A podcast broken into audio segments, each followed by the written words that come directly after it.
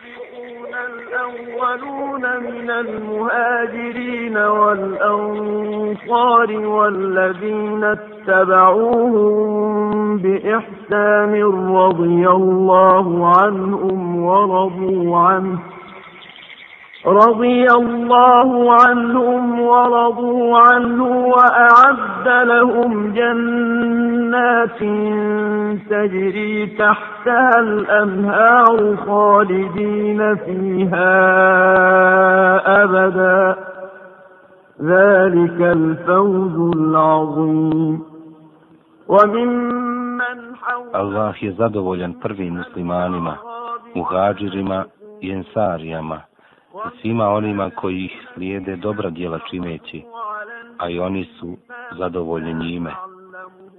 Za njih je on pripremio dženevske bašče kroz koje će rijeke teći i oni će vječno i zauvijek u njima boraviti.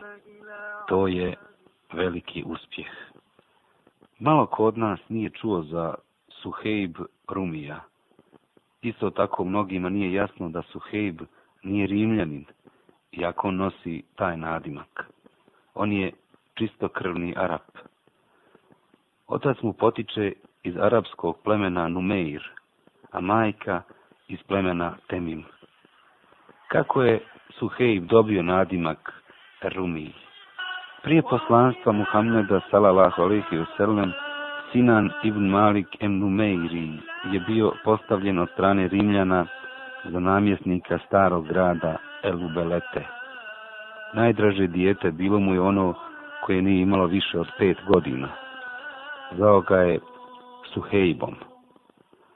Suhejbovo lice je bilo blistavo, bio je plave kose, vrlo okretan, a iz njegovih očiju još tada mogla se naslučivati oštroumnost i plemenitost. Suhejb je bio vedar, veseo, živah, dobrodušan.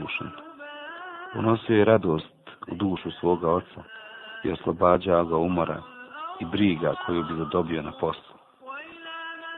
Jednog dana pošla je majka Suhejbova sa svojim malim sinom Suhejbom, porodicom i svojim slugama u jedno iračko selo u namiri da se odmori i oporavi. I dok je majka Suhejbova boravila u tom selu sa Suhejbom, jedan odred rimske vojske napao je na to selo.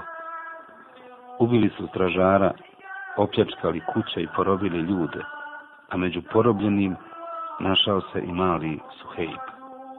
Ubrzo zatim našao se Suhejb na jednoj od rimskih pijaca. Vrlo često je mijenjao gospodara kao i svi drugi robovi kojih je bilo vrlo mnogo po kućama rimskih. To često mijenjanje gospodara pomoglo je Suhejvu da upozna život Rimljana iznutra. Svojim očima je gledao šta se događalo u njihovim kućama od loših i nevaljavih dijela. Svojim ušima je slušao i očima gledao zulume i griješenja i zbog takvih ispada prezirao je i mrzio Rimljane. U sebi je govorio, ovu skupinu ljudi ne može ništa očistiti osim potopa. Iako je Suhejb odrastao u Bizantiji i formirao se među njima, te gotovo bio zaboravio arapski jezik, on nikada nije zaboravio svoje arapsko porijeklo, niti je zaboravio da je od sinova pustinje. Stalno je maštao o danu kada će se osloboditi od robstva i maštao je o povratku svom narodu. Još veća želja i nostalgija za svojim narodom javila se kada je čuo jednog od kršćanskih svećenika gdje kaže jednom od njegovih gospodara. Primaklo se vrijeme u kome će se pojaviti poslanik iz Arabskog poluostrava. Priznaće Isa, sina Merjemina i taj novi poslanik će ljude vaditi iz tmine na svjetlo čuvši za tu novu vijest. Suhejb je prvu priliku iskoristio za bijeg iz opstva svoga gospodara i pobjegao u Meku. Pošto je došao i nastanio se među Arapima, dali su mu ime Suhejb Rumiji zbog slaba jezika i zbog plave kose. Udružio se Suhejb s jednim od uglednih ljudi Meke.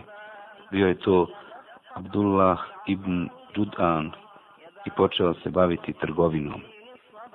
Taj posao je uspješno obavljao i počeo se bogatiti. Ali Suhejba nisu zavele trgovina i velike zarade. Suhejb nije zaboravio riječi kršćanskog svećenika. Kad god bi se prisjetio tih riječi, pitao bi se kada će to biti.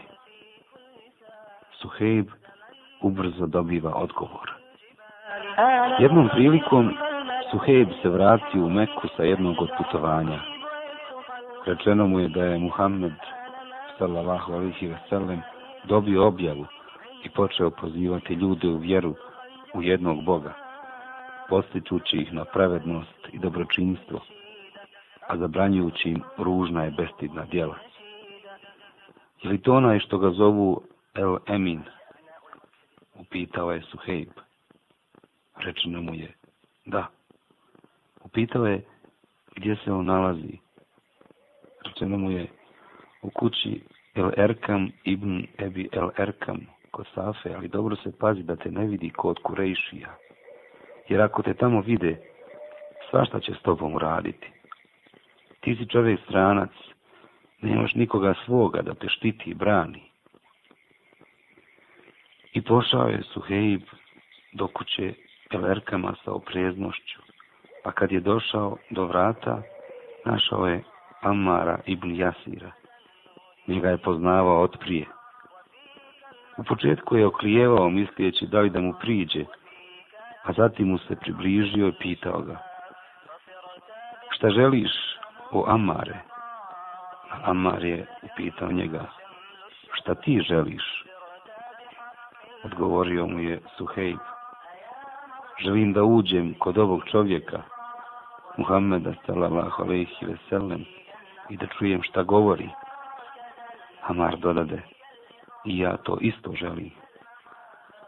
Rekao mu je Suhejb, onda ćemo zajedno ući s Allahovim blagoslovom.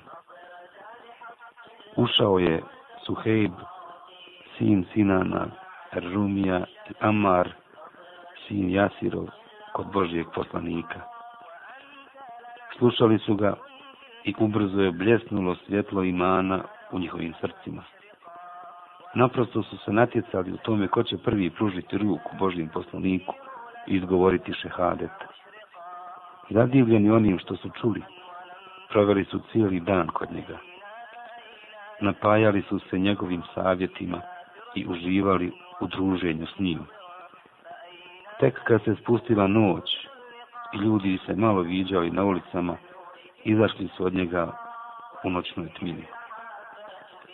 Obojca su te noći ponijeli svjetla u svojim srcima, što je bilo dovoljno da kasnije obasja cijeli dunjalog. I pored najveće opreznosti, Suhejba nisu mogle zaobići životne nedaće i iskušenja. Bio je mučen, zlostavljan zajedno sa Bilalom, Amarom Sumejom i Hababom, zajedno sa desetinama drugih mumina. Podnosio je tešku kaznu, udarce Kurejšija. Udarali su ga nemilosrdno. Sve je to podnio smireno i strpljivo, jer je znao da je put ka džennetu pun iskušenja i neugodnosti. Pošto je dozvolio Allahu poslanik, sallallahu alaihi veselden, hijđeru, u Medinu, odlučio se Suhejb da Hidžu čini zajedno sa Allahovim poslanikom, ali su Kurejšije prozrele njegovu namjeru i spriječili su ga u tome. Pratili su ga Kurejšije tako da ih se nije mogao osloboditi i uspjeti da ponese sa sobom zlato, srebro i drugo što je radio trgovinu. Nakon hidre Allahovog poslanika i njegova druga Ebu Bekra, Suhejb je stalno gledao priliku za hidru, ali u tome nije uspio, jer su ga budno pratili. I nije mu preostalo ništa drugo nego smisliti varku. U jednoj hladnoj noći Suhejb je puno izlazio u klozet da bi pomislili da ga boli spamak i dugo bi se zadržavao, sve dok se oni ne bi vratili svojim kućama. Govorili su jedni drugima. Ne boj se za Zuhejba, njega su lat i uzat zaposlili njegovim stomakom, a zatim su legli u svoje postelje i zaspali. Izvukao se Suhejv od njih i krenuo u bijeg prema Medini. Nije mnogo prošlo od kako je Suhejb napustio Meku, a njegovi čuvari su primijetili da nema Suhejba. Trgali su se isna preplašeni. Pojahali su svoje brze konje i požurili za njim. Brzo su ga sustigli. I pošto ih je Suhej primijetio, popjao se na jedno uzvišenje, izvukao strijelu i nategao je, okrenuvši je prema njima govoreći ime o pa Kurejšije. Tako mi Boga, vi dobro znate da sam ja najbolji i najprecizniji strijelac. Tako mi Allaha, kogod pođe prema meni, ubiću ga jednom strijelom, a zatim ću vas tući svojom sabljom. Neki od njih je rekao, tako nam Boga nećemo te ostaviti da nam pobjegneš sa tolikim imetkom. Ti si došao u Meku siromašan, bez imetka pa si se obogatio upitao ih je Suhej. Šta mislite kad bih vam ostavio svoje bogatstvo? Bili me onda pustili? Odgovorili su, da, pustili bismo te. Rekao im je gdje se nalazi njegovo bogatstvo. Otišli su, uzeli ga, a zatim su ga pustili. Nastavio je Suhejb Hidžeru prema Medini brzim koracima, bježeći sa svojim šehadetom Allahovom poslaniku. I puno truda vidio oko toga. Put ka Medini bio jako naporan. Puno se umorio. Ali kad god se sjetio Allahovog poslanika, kod njega bi se pojavila želja za što brži susret s njim i odmah bi nestalo umora. Nastavljao je putovanje sa još većom voljom i upornošću pošto je Suhejb konačno stigao u selo Kuba, nedaleko od Medine, primijetio ga je Allahov poslanik kako ide prema njemu. Nasmiješio mu se Allahov poslanik i rekao, uspjela je trgovina, zaradio si o Ebu Jahija. To je ponovio tri puta. Ove riječi su Suhejba jako iznenadile, a ujedno i obradovali. Rekao je, nije ti mogao o mom slučaju niko pričati o Allahu poslaniče. O tome te nije niko drugi obavijestio do Džibril. I Džibril koji donosi ajet vezan za Hidžu Suhejbovu.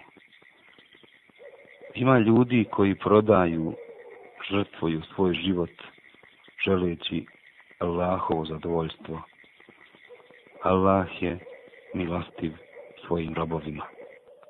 Blagoli se Suhejbu ibn Sinanu razumiju divan li je njegov završetak.